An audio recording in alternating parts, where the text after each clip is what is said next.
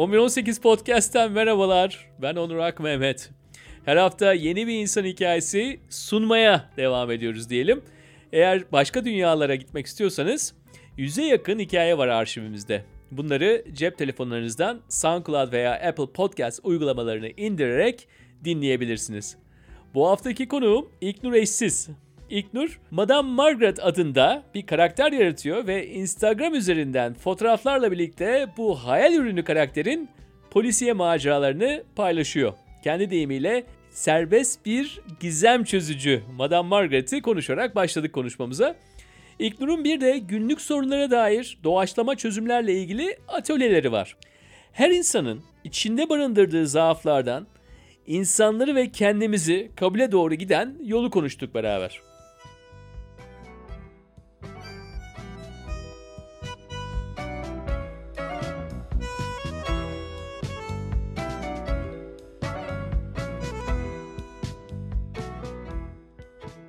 Ya biraz bize kendini tanıtır mısın? Tabii, Seninle tanıtırım. anlatacağın şekilde esasla ilgileniyoruz. Tamam. Ee, ben e, Antalya doğumluyum. Hmm, Ankara'da radyo, televizyon, sinema okudum ama işimin o kısmından devam etmedim de muhabir olarak basın sektörüne girdim aslında. Sonra e, zamanla zaman içinde daha çok yazı kısmının ağırlık kazandığı bir iş yapmaya başladım. Editörüm ben.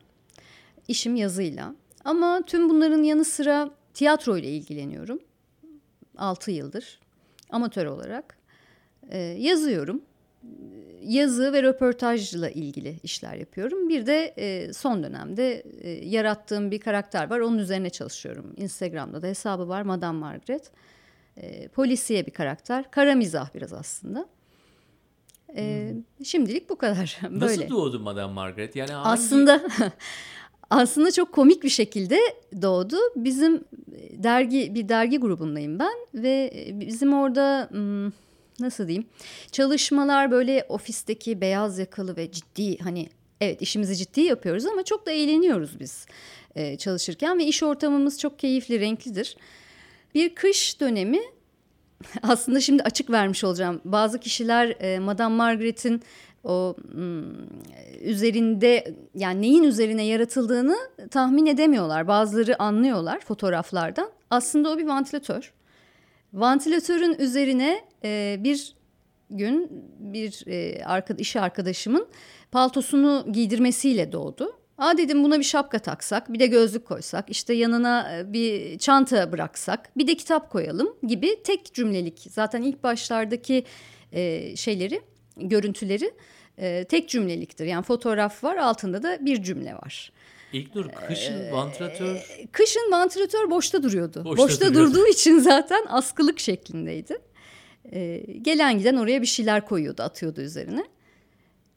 Aslında böyle doğdu. Sonra e, onu gördükten sonra bu niye bir e, karaktere dönüşmesin diye düşündük hep birlikte. Sonra iş arkadaşlarımız bugün ne yapıyor, nasıl bir macerası var e, diye sormaya başladıkları zaman aslında şekillenmeye başladı kafamda. Sonra da onu bir Instagram hesabına taşıma fikri doğdu.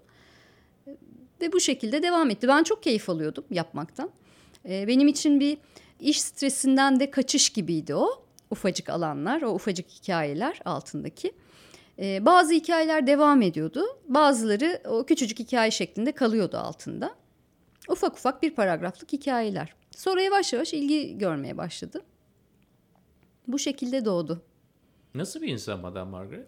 Hmm, Madame Margaret bayağı zengin bir insan. Bayağı zengin. Helikopteri falan var yani öyle. Ha gerçekten insan. zengin. Gerçekten zengin. Çok yönlülüğünden değil illa. Yok yok hakikaten zengin. Güzel. Ee, kocası e, bir psikiyatr. Görüyor muyuz peki kocasını? Kocasını görmüyoruz. ara görmedik sıra ara sıra e, maceralarda ismi geçiyor. Christopher. Ne anlam ifade ediyor kocasının peki Madame için?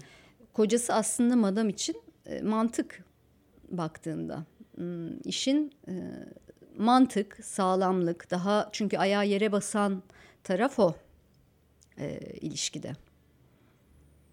Madam biraz daha esrarengiz şeyleri açık bir kadın.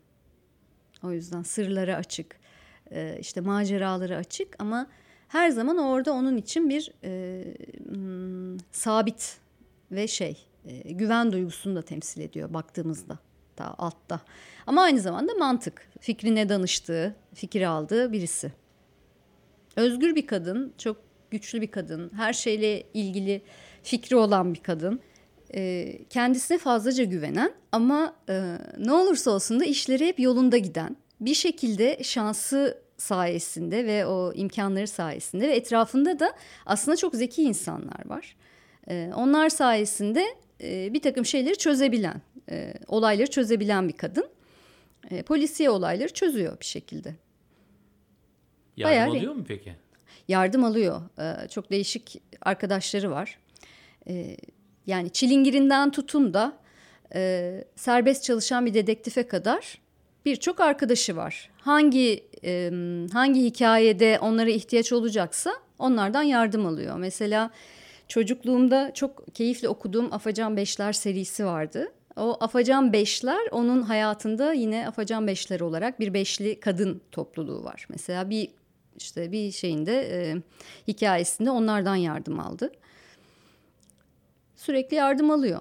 Zaman zaman iş seyahatlerine çıktığım zaman ben e, oradan da madamın Instagram profiline uygun fotoğraflar yakalamaya çalışıyorum. Genellikle gizemli evler olabilir, işte tarihi mezarlıklar olabilir. Ee, bir takipçiden hatta şöyle bir şey geldi. Ee, bu fotoğraflar çok korkutucu diye yazdı. Madamın Instagram'ından mesaj attı. Ee, ben de onun üzerine madammış gibi cevap verdim. Yani madamın dilinde yazdım. Korkmayınız sevgili okur okumaya devam ediniz diye. Bazen ürkütücü de bulabiliyorlar ama aslında amaç ürkütmek değil yani amaç orada gülümsetmek madamda. Peki madam bu iş seyahatlerine bir vantilatör olarak gelmiyor değil mi? Yok. Sonradan yerleştiriliyor mu peki? Orada diyelim bir ev buldum biraz daha gizemli bir ev. Onun Madamı her, her türlü e, fotoğrafın içine yerleştirmiyorum. O sadece bir ev fotoğrafı, Hı-hı. sadece bir mesela e, Manisa'ya gitmiştim. E, üzüm bağında bir fotoğraf çekmiştim. Bağ bozumu şenlikleri vardı. Ee, orada bir makas, eldiven ve bir üzüm kasası var. Ama o fotoğraftaki efekt nedeniyle ve altındaki hikaye nedeniyle e, bir cinayet anlatılıyor aslında orada. Hani e, onu fotoğrafla veriyorum. Her zaman madamı o şekilde vantilatörü giydirip e, oluşturmuyorum. Hı hı. Yani ona bağlı kalmak çünkü e, biraz şey hem beni kısıtlıyor hem de zorlayıcı bir şey. Ama en başta diyorsun, öyle. Pragmatik evet, bir şey değil gerek, yani. gerekli de değil. Onun gözlerine bakıyorsun biraz dünyaya. Aynen öyle. Nasıl bir şey kattı sana? Bir yarattığın karakterle dünyaya bakmak bir rahatlık da verebilir. Aynı zamanda biraz sıkıntılı bir durum da olabilir. Yok beni çok eğlendiriyor. çok, çok eğlendiriyor. Onun hatta bazen ona biraz acımasız davrandığımı da düşüne, düşünüyorum. Ne anlamda? Madam biraz benim bu hayatta eleştirdiğim yani eleştirel gözle baktığım insanları da temsil ediyor. E, ama aynı zamanda o, onu seviyorum da. Böyle bir durum var. Yani toplumdan biraz kopuk yaşayan e, insanlara getirdiğimde bir eleştiriydi en başta baktığımızda. Ama sonra ona o kadar sert yaklaşmaya da kıyamadım. E, zamanla biraz daha yumuşadı ona yaklaşımı. Şimdi çok ilginç bir yere geldik. Yani Hı-hı. diyorsunuz diyorsun ki karakteri yaratırken o karakter yaratımı içerisinde biraz da hafif benim eleştirdiğim yanda olan hı hı. bir e, bir tarafı temsil ediyordu. Sonra acıdım dedin karaktere. Yani bir yüz verdin daha doğrusu ona. Evet. Bir ruh verdin. Ve şimdi de e, beraber raks ediyorsunuz. Beraber geziyorsunuz. Onun gözü senin gözün. Evet. Yani şöyle e, şimdi böyle insanlar aramızda var. Belki çok fazla içlerine girdiğimiz zaman daha iyi anlayabiliriz. Ya da şöyle bir şey anlamak değil de anlamak hak vermek değil aslında. Bu tür insanları yani böyle insanları anladığımız zaman hayatı da daha iyi anlayabilmiş oluyoruz baktığımızda. Yani eleştirel yaklaşımın bana bir faydası oldu. İlk etapta çok eleştirel e, yaklaşıp verdiğim bir takım şeyleri bu ilk etapta derken hemen bir iki e, şey sonra fotoğraf paylaşım sonra bu yumuşadı zaten. Hani çok sert de değildi ama kendi içimde de yumuşadı. Yani ondaki o uç noktada kendine güven aslında çok egosantrik bir durum. Çok e, şu dünyanın bize yani ya da sistemin e, pompaladığı bu yoğun narsisizmin bir ürünüydü Madame Margaret. Aslına bakarsan biraz psikolojiye girersek ve e, Ama aynı zamanda da çocuksu bir tarafı da var. Onu onunla dengelemeye çalıştım. Yani acıdım ona dediğim hani kıyamadım dediğim kısmı o. Sevdim de bir taraftan onu. Ondaki o e, çocuksu narsisizmi sevdim ama e, günümüz dünyasında e, çok da sevilesi narsistler yok yani. Onu da söylemek lazım. Tamam çok güzel. Yani bir de yani medya dünyasındasın herhalde Evet. narsistlerin e, toplam Evet. e, nüfusu oranla orada gayet daha Yoğun. yüksek bir oranda olduğu bir dünyadasın. Evet. İlla yakın çalışma arkadaşların değil büyük ihtimalle ama dirsek temasında olduğun, her gün telefonlaştığın, yazıştığın, yüz yüze görüştüğün insanlar arasında narsistler var. Nasıl değerleri varmış narsistlerin? bir ışık kaynağının duvarda yarattığı gölgeyi düşünün. Ama öyle bir gölge ki o çok büyük. Ama o vurduğu nesne küçük. Yani narsisist kişilerin e, benliklerinde hissettikleri şey bu aslında. Dışarıya gösterdikleri çok büyük bir gölge var ve o tam anlamıyla bir gölge baktığınızda. Ama o gölge sayesinde yani kendilerini lanse ettikleri o gölge sayesinde bizim hayatımızı da zorlaştırabiliyorlar. Ee, ben çocuksu yanları daha güçlü olanlarla daha iyi bağ kurabiliyorum kendi adıma. Çünkü hepimizde bir şekilde aslında o yetersizlik duygusu var insanoğlunda. Çünkü şöyle düşünün e, bir dünyaya geliyorsunuz ve öleceğinizi bilen tek canlı sizsiniz ve bu sizin mükemmel olmadığınıza bir aslında kocaman bir çentik yanına. Ama insanoğlu bunu kabul etmekte zorlandığı zaman ve mükemmeli aramaya başladığı zaman işte sıkıntılar orada. Yani bunun türlü sebepleri olabilir. Ama aslında temelde şu biz yetersiziz. Temel olarak hepimiz yetersiziz ve bir şekilde bunu kabul etmiyorsak eğer bunu kapamak için türlü yollar arıyoruz. İşte bence narsisizm de e, buradan kaynaklanıyor daha çok. O yetersizliği kapatmakla alakalı e, tüm şeyler. Duvarlarının yükselmesi o kişilerin ya da bize hayatı zorlaştırmaları diyelim. Çok psikolojik terimlere de girmek istemiyorum. Dediğim gibi hani benim uzmanlığım değil. Öyle. gayet iyi anlattın. Ee, bir başka konuya geçeceğim ama yine bu konuyla alakalı. Tamam. Doğaçlama atölyeleri veriyorsun. Evet, evet. Ee, atölyelere baktığımız zaman içerisinde böyle çok pragmatik bilgiler var. Yani belli durumlarla karşılaştığımız zaman ne yapabiliriz? Nasıl doğaçlama? Esasında doğaçlamayı biraz hayatın içerisine sokuyorsun. Aslında çok şey değil. e, nasıl diyeyim? Birebir e, şunu yapabiliriz, şu çözüm şunun içindir gibi değil atölyelerde amacımız. 5-6 kişiyle yürüttüğümüz atölyeler. Başlarken de söylediğim bu aslında. E, çünkü herkesin çözümü kendisine has. Biz atölyelerde şunu görmeye çalışıyoruz. Ben de dahil. Çünkü her bir insanla temas etmek sizde eğer izin verirseniz başka bir e, bakış açısı oluşmasını sağlıyor. Bu atölyelerde de 5-6 kişi, 7 kişi birbiriyle temas ediyor ve bu insanlar aslında eğer grup olarak katılmamışlarsa farklı çevrelerden insanlar olabiliyor ve şunu görüyorlar temelde. Evet bu sorunu ben de yaşıyorum. Bunu belki orada ifade etmiyor katılan kişi. Çeşitli kaygılarla olabilir. Bunu ifade etmese bile aynı sorunları farklı alanlarda çok insani olarak yaşadıklarını görüyorlar. Ve çözüme dair o 6 kişinin ya da 7 kişinin farklı çözümler getirebildiklerini ya da çözemedikleri noktada ne yapabileceklerini düşünüyorlar, görüyorlar ve buna dair bir aslında zihin jimnastiği yapıyorlar. Her zaman şeyler eğitim veren kişiler hep şunu altını özellikle çizerler. Çünkü e, genel olarak iç tarafta yani insanların iç dünyasında beklenti benim için bu sorunu çözdür. Ama e, her eğitim verenin söylediği gibi sorunların çözümü kişilerde gizli. Siz sadece onlara belli başlı ya da çok farklı yollar olduğunu nacizane gösterebilirsiniz. Onu da diğer insanlardan destek alarak yapıyorsunuz aslında orada.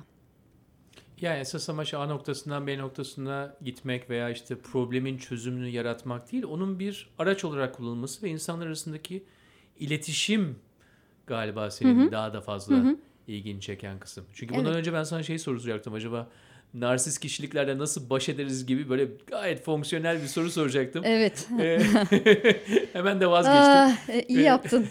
Çünkü olayı esasında çözüme ulaştırmak değil, kendini sakınmak veya ne bileyim e, şöyle işte kafamı bu tarafa çeviririm sanki bir boks maçı gibi narsist bir insanla karşılaştığın zaman ne yapmalı değil olay galiba. Biraz daha farklı, daha öte bir yere taşıyorsun bunu. Yani şöyle e, aslında temelde insanın yani burada kendime ele alayım. İğneyi kendine batırması gerekiyor öncelikle. E, sizin farkındalık yolculuğunuzun diyelim e, bir ömür boyu sürmesi sizi çok daha huzurlu bir insan haline getirebilir bu hayatta. Dolayısıyla önce kendinizdeki narsisizmin boyutunu görmelisiniz. Çünkü az önceki konuşmadan şu anlaşılabilir ki bu da yanlış anlaşılsın istemem. Ee, senin hani birisi çıkıp da dinlerken şunu da diyebilir. Senin narsisist olmadığını biz nereden bileceğiz? Veya sen bunun böyle olmadığını nereden biliyorsun? Hepimizde bir miktar bir şeyler var. Hepimizde var. Yani bu hayata tutunmak için hepimiz bir şeyler yapıyoruz. Ya da başarı dediğimiz neyse ona ulaşmak için. Çünkü herkese göre başarı da tırnak içinde farklı bir e, kavram aslına bakarsanız. Dolayısıyla önce kişilerin benim de ben de dahil buna e, kendi içine bakabilmesi, o cesareti bulabilmesi gerekiyor. Ve bu yüzleşme bir kere olan bir şey de değil. Hayat boyunca sürebilen bir şey. Ee, bazı kişilere göre bir şeyleri sorgulamak çok zor olabilir. Ee, çok gerekli olmaya da bilir. Ona da saygılıyım. Ama ben hayatı yani bugüne kadar getirirken ve bundan sonrası için elimden geldiğince kendime önce kendime dönmeye çalışıyorum. Bir konuda yaşadığım bir başarısızlık varsa ya da yaşadığım bir tıkanma mesela bir diyelim ki e, yaftalamayalım ama zor bir insanla karşılaştım. Narsisist demeyelim ona zor bir şekilde benim neyimin barışmada denir ona e, Yıldız. E, yıldızımın işte bulamadım. Yıldızımın barışmadığı bir insanla karşılaştım diyelim ki. Burada benim üstüme ne düşüyor? Yani bu buradaki anlaşmazlığın ne kadarı bana ait? Aslında doğaçlama atölyelerinde de yaptığımız bu. Yaşadığımız olaylarda bizim kişiliğimizin ne kadar etkisi var? Ve bunu düzeltmek istiyor muyuz? İstiyorsak nasıl yapabiliriz? Yani sanırım e, o sorunun o yüzden çok fonksiyonel bir cevabı bende yok. Çünkü ben de uğraşıyorum. Kendimle uğraşıyorum en başta. E, kendimle çıktığım yolculukta karşılaştığım e, insan olarak olabilir, olaylar olarak olabilir, zorluklarla da uğraşıyorum. Ya bu tür sorulara böyle formüle cevap vermek kolay diyorsun ama büyük ihtimalle de herkes için ayrı bir formül olacaktır eğer bir formül evet, varsa. Evet çünkü hepimiz gerçekten birbirimizden çok farklıyız. Bir de yani. karşılaştığın insanlar da farklı olacak. Yani Tabii. zor insanlar da kategorilere ayrılıyor. Evet. Her birine de aynı formülü uygularsan aynı kişi olduğun halde evet. başarısızlığa da uğrayabilirsin diyelim. Ee, evet. Biraz orada da doğaçlama gerekiyor. Yani her birinde olan anda e, kendimizi korumak önemli mi peki sence? Bu tür durumlarla karşılaştığımız zaman. Ben şunu uygulamaya çalışıyorum kendi adıma. Gerçekten hani hislerine kulak vermeye çalışan bir insanım. Ee, ve zaman da bana geçmiş tecrübelerimde her zaman hislerimin haklı olduğunu bir şekilde gösterdi. Onları dinlemediğim zaman mantığımla daha doğrusu şöyle dengeli bir şekilde mantık ve hislerin dengeli bir şekilde gitmesi gerekiyor evet. Ama mantığın e, kendini bu işe bırak derken hislerin içeride alarm veriyorsa e, bir şekilde orada dengeyi bulmak gerekiyor. Ben kendi adıma o dengeyi sağlamaya çalışıyorum. Ama bir hayat boyu sürekli dengede kalsak zaten bu e, yani ben bayağı bir iyi ilerlemiş olurum baktığınızda. Hani e, bunu işe çevirdiğimi düşünün. Sürekli dengede bir insanın yani bu mümkün değil. Çünkü dünya sürekli dengede değil baktığınızda. Koruma konusuna geldiğimizde tabii ki kendimizi öyle ya da böyle bir şekilde korumak zorundayız. Ama Sen korurken koruyor musun kendini peki böyle durumlarda? Elimden geleni yapıyorum. Ama kendimi korurken de e, bu elimden geleni yaparken ve kendimi korurken de ben duyguların çok fazla baskılanmaya gelmediğine inanıyorum. Bir yerden baskıladığınız zaman ya daha sonra o sizin kişilik yapınıza göre öfke olarak çıkabiliyor. Bir baş ağrısı olarak çıkabiliyor. Mide rahatsızlığı olarak çıkabiliyor. Dolayısıyla kendimi korurken duygularımı ifade edip son noktaya kadar edebildiğim noktaya kadar e, içimde onu biriktirmemeye çalışıyorum. Biriktirmeyerek kendimi ortaya koyarak mümkün mertebe korumaya çalışıyorum. Ne kadar başarabiliyorum bilmiyorum yani. Bizi dinleyenler şey diye düşünüyordur şimdi. Yani tamam İlknur Eşsiz çok güzel bir karakter yarattı. Ee, hayatımızı renklendirdi. Ee, atölyelerinin farkında olan insanlar da gerçekten de büyük ihtimalle güzel tecrübelerle oradan ayrılıyorlar. Ee, nasıl dengeliyorsun ya bu kadar çok e, bu çok çok yönlü olmayı veya bu aktiviteleri nasıl dengeliyorsun? Yani nasıl böyle kendin biraz senin hikayeni merak ediyorum ben. Çünkü hani tamam bir şeyle baş etme rehberleri falan dedik ama ne bileyim insanı böyle e, akşam yattığı zaman sabah kaldıran bir şey vardır yani bir his vardır bir içinde biraz önce bahsettiğin e, duyguları ve hisleri biraz daha acaba sözelleştirebilir miyiz? Hangi ne tür motivasyonların var diye düşünüyorum. Ee, ben hayatta ürettiklerimi e, görmek isteyen bir insanım. Yani e, işte dediğim gibi tiyatro mesela. Baktığınızda çocukluğumdan bu zamana baktığımda e, konservatuara hazırlanıp kazanabilirdim aslında. Ama şartlar öyle gelişmedi ve ben e, şimdi bizi yönlendiren çok farklı şeyler oluyor e, bu sınavlara hazırlanırken. Genç arkadaşlar dinliyorlarsa belki hani onlar için de bir fikir olabilir. Yetenekli olduğunuz şeyi keşfetmeniz gerekiyor. Ama hayat bazen size bunu sonrasında gösteriyor. Yani ben de bunu 30 yaşımda e, buldum. Nacizane iyi olduğumu söylediler. Bir e, amatör olarak devam ediyorum işte tiyatroya, sahneye çıkıyorum. Sahnede kendimi çok mutlu hissediyorum ve buna devam etmek istiyorum aslına bakarsan. Yani benim hani beni motive eden şey kendimi e, hedeflediğim yerde görmeye dair yaptığım planlar, o yolculuk. Ama bu motivasyon şöyle bir şey değil. Sabah kalktım bunları yapacağım. Evet şunları yani böyle bir hırs değil bu ve zaman zaman şu da oluyor. Bir şeyler çıkıyor karşınıza ve sizi mesela 10 adım ilerlemişsiniz o konuyla ilgili. Sizi 5 adım geriye atıyor. İşte o noktada yani o noktada sizin tekrar o 5 adım geriden başlama e, mutluluğunuz, azminiz olması gerekiyor. Yani o içsel dinamiğin işliyor olması gerekiyor o sırada. O zaman şöyle yapalım. Hı-hı. Yani İlknur e, Antalya sokaklarındaysa, Hı. Antalya'nın bahçelerindeyse, e, plajlarındaysa, denizdeyse. Plajlarındaysa esas yeri de değil mi? Nasıldı? Etrafa nasıl bakıyordu? O anki mesela o karaktere girebilir miyiz? Kendimizin Tabii. çocukluğu da esaslı bir karakter gibi bir şey. Ee, bize çok yakın ama çok uzak bir yerde duruyor. Şimdi ee, benim valla bu eksersiz şey gibi bir e, alıştırma gibi. E, evet. Oraya girsek öyle baksak Olur. dünyaya ne görüyoruz? Bakalım. Şimdi benim çocukluğumdaki Antalya'da biz mahalle mahalle aralarında oyun oynayarak büyüdük. Şimdi bizim jenerasyon bunu çok bilir. Hani bu, bu lafı çok duymuştur. Ee, gece saklambacı diye bir şey vardı. İzin alıp çıkmak isterdim ben onu oynamak için mesela. Ee, ben bisiklete binmeyi sokakta e, bir arkadaşımdan öğrendim gizli saklı yasaktı bana. Yani bisiklete e, trafik var ve sen burada öğrenme denmişti ama ben biraz laf dinlemeyen de bir çocuktum. Bir arkadaşımla birlikte öğrendim mesela.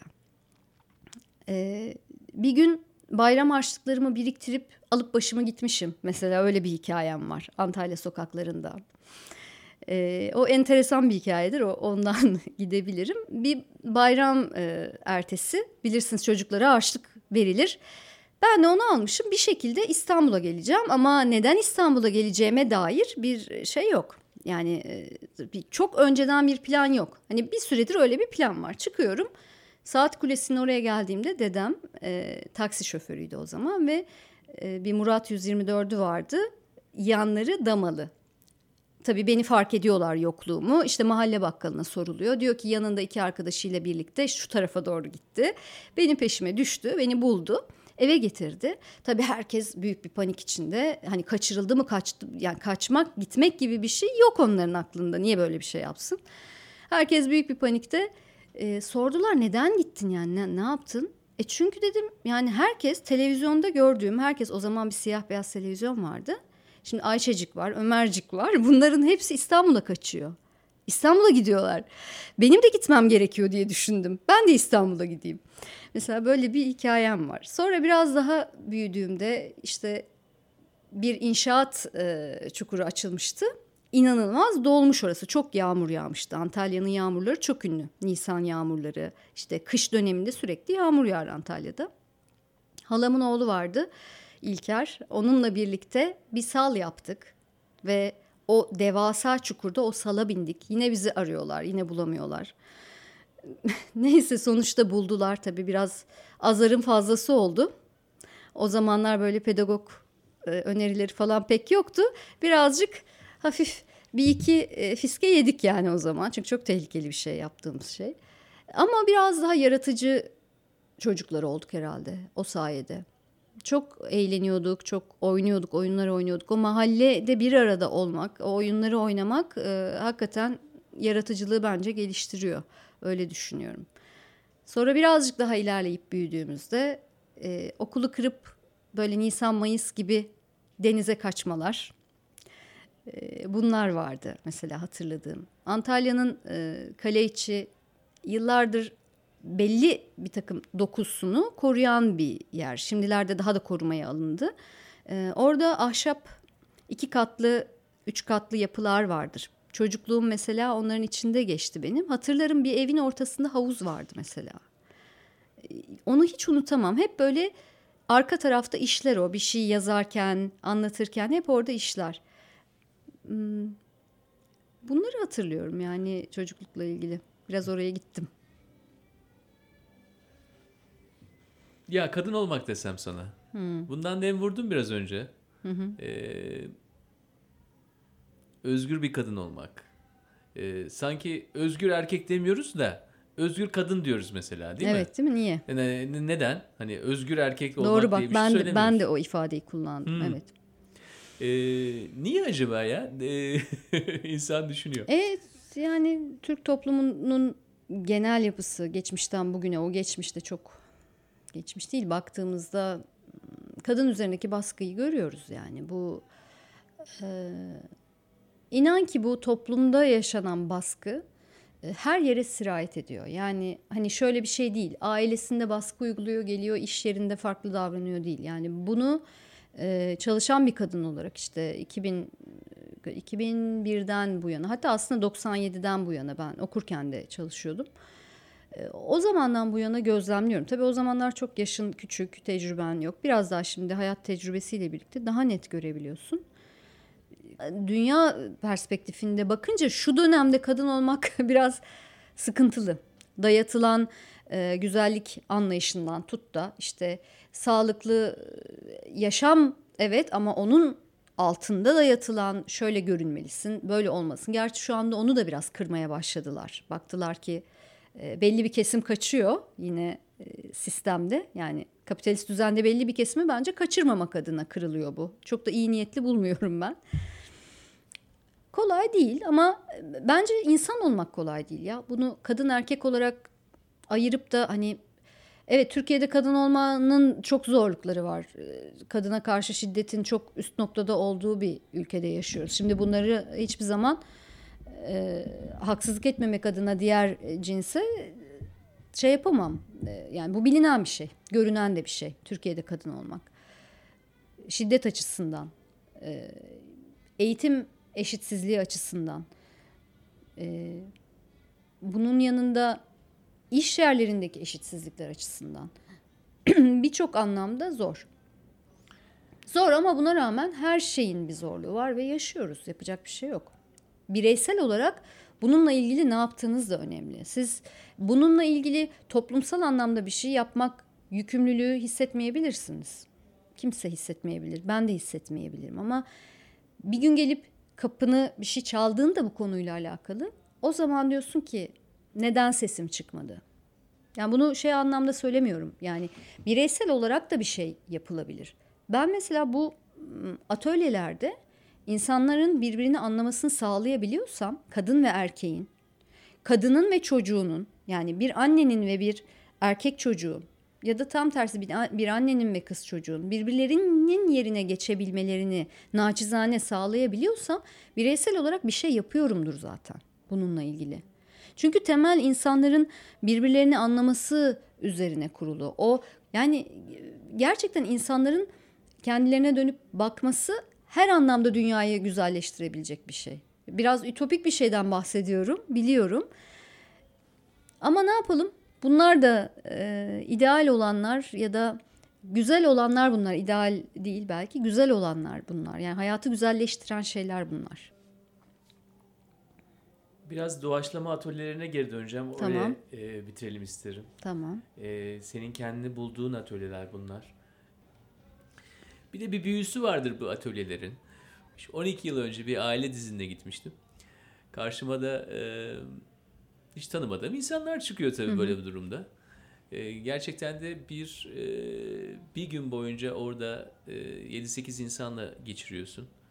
E, ve genelde bizim rasyonel, biraz önce batıcı kafamızla, biraz daha olayın bilimsel tarafıyla çözemediğim bir şeyler ortaya çıkıyor. Hı hı. Bir büyü var.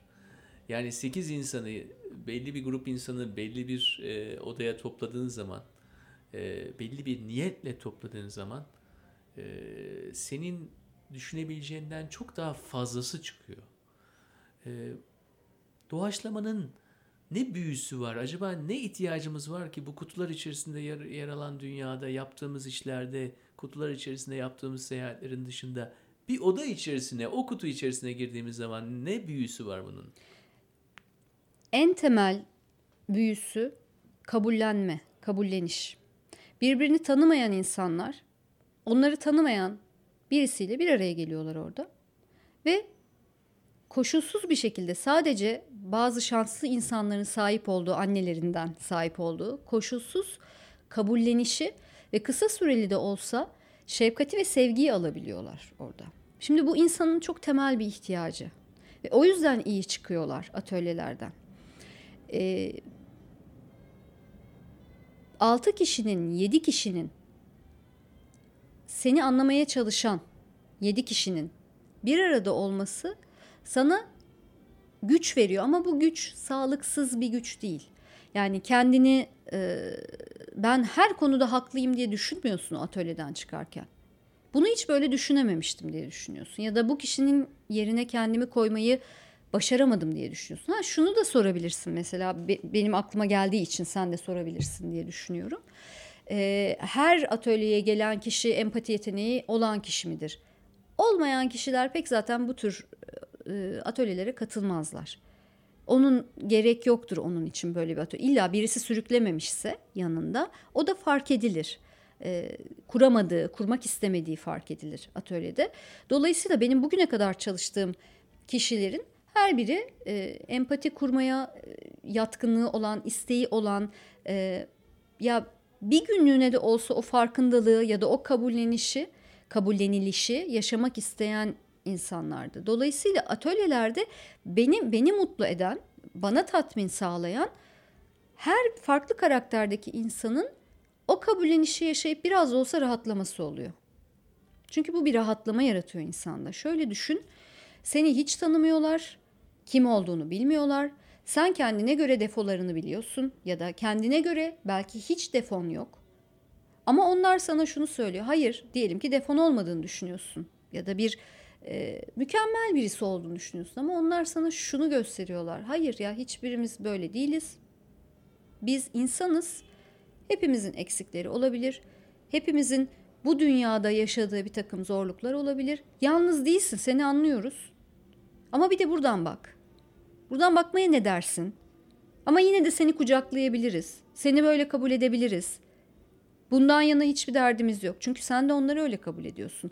Oradaki o enerji Oradaki o iyi niyet senin de söyleminle onarıcı oluyor. Baktığında asla tabii ki onlarla kıyaslamıyorum ama e, hani farklı terapi türlerinde de bu vardır. Hani birbirine söylersin ne olduğunu ama bir yandan da öyle bir bağ kurulmuştur ki bir kabulleniş vardır ve kişi kendini or- orada hissetmek ister. Oraya ait hisseder ve orada olmak da ister. Bunun gibi bir şey. Çünkü dışarıda çok e, sahte e, anlar var, sahte ilişkiler var. Gerçek olmayan çok şey var. Ama orada en azından iki saatliğine, üç saatliğine bazı şeyler canını sıksa da gelen kişinin totalde, toplamda ona huzur veren, iyi hissettiren bir yerden ayrılıyor. Üç saatliğine de olsa ki hepimizin ihtiyacı bu. Ben katılımcılardan gerçekten çok daha fazla e, huzur bulduğumu hissediyorum. Daha keyifli çıktığımı hissediyorum. Enerji dolduğumu hissediyorum ki orada aslında problemler üzerine konuşuluyor. Çok şey ters gibi görünse de birbirine. Çok büyük şeyle enerjiyle çıkıyorum. Hissediyorum yani o enerjinin bende olduğunu ve insanların o mutlu çıkışı da beni mutlu ediyor.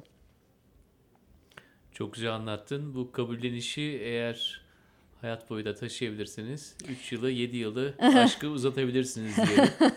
yani e, işte insan, insanın kendini öyle her haliyle kabul etmesi hani bu kişisel gelişim kitaplarında özellikle e, ben şunun şuna kesinlikle galiba şeyim e, muhalifim. E, her şeyin iyi olacağını hissedersek her şey iyi olur. Şimdi iyi ve kötü nedir? Önce ona bakmak lazım o kavramlara. Sonra bir de dünyaya bakmak lazım. Dünyada her şey zıttıyla e, var bu hayatta. Kişisel gelişimin insanları sürekli mutluluk pompalamasından yana da değilim ben. Yani böyle. Bütün dünyayı sevmek kolay da tek bir insanı sevmek zor derler her zaman. Ee, neyse bu da aklıma geldi bir anda. Bir, bir, bir önceki konudan aklıma geldi. Hı hı. Ama kişisel gelişim kitapları galiba depresyondan Bana, çıkardığı insan kadar depresyona da sokuyor insanları gibi geliyor. Çıkarttığı bana. insan var mı acaba? Ona da bakmak lazım. Vallahi beni topa koyacaklar. Yani ama öyle. Bu, bu, canım, bu konuda olacak? bu konuda fikrim böyle. Yani e, bu kendini sürekli motive etmek diye bir şey yok. Duygularını fark etmek. Evet o duyguların e, kendi adıma söylüyorum bunu. Duygularının farkında olmak, o duyguların e, mümkünse e, çukuruna düşmemek. Yani tam anlamıyla böyle. O oraya düşmemek, düştüğünde de çıkmayı başarabilmek. Bunun için mücadele veriyorsun bir hayat boyunca. Ha bunu ben yüzde yüz yaparım. Yaptı. Hayır benim hayatım devam ediyor. Bilmiyorum. Nelerle karşılaşacağımı hiç bilmiyorum. Ama bunu uygulayarak hayatta kalmaya çalışıyorum. Bunu uygulayarak adım atmaya, ilerlemeye, yaratmaya, üretmeye. Ve üretim önemli bir şey. Ee, herkesin bir şekilde hani dedim ya e, eğitim, yetenek, yeteneği, isteği, hevesi doğrultusunda bir şeyler yapması ona çok iyi geliyor. O zaman zaten etrafta sizin hani kendisiyle ilgili derdi olan kişilere baktığınızda e, etrafıyla çok da böyle bir uğraşmadığını görüyorsunuz. İnsanın kendiyle ilgili bir derdi olmalı. Öyle önünüze bir çukur da önünüze eğer öyle bir çukur da çıkarsa İçini önce bir suyla doldurun. Ondan sonra kendinize bir sal yapın. Evet. Onunla güzelce Orada sağlam bir sal olsun tabii. Sağlam olsun. Aman dikkat Dayak edin. yemeyin sonra eve dönün. Evet. 18 Şımar yaşından yemeyin. küçükler dinlemesin lütfen. Dinlemesinler evet. Ağzına sağlık İknur. İyi ki buradasın. Teşekkür ederim. Bir haftayı seninle bitirdik. Çok teşekkür ederiz. Ben teşekkür ederim. Beni çağırdığın için e, ve bu güzel sohbet için ben teşekkür ederim.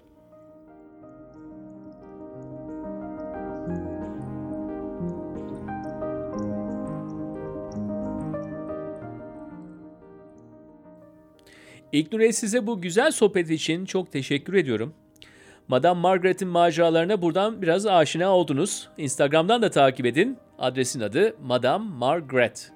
Evet, bize ulaşmak için de bilgiyat 1118 e-posta adresimiz. Programlar hakkında yorum yapmak için de Facebook hesabımızı takip edebilirsiniz. Bu programda emeği geçenler ben Onur Akmehmet, editörümüz Emre Sarı ve 1118 direktörü Berna Kahraman.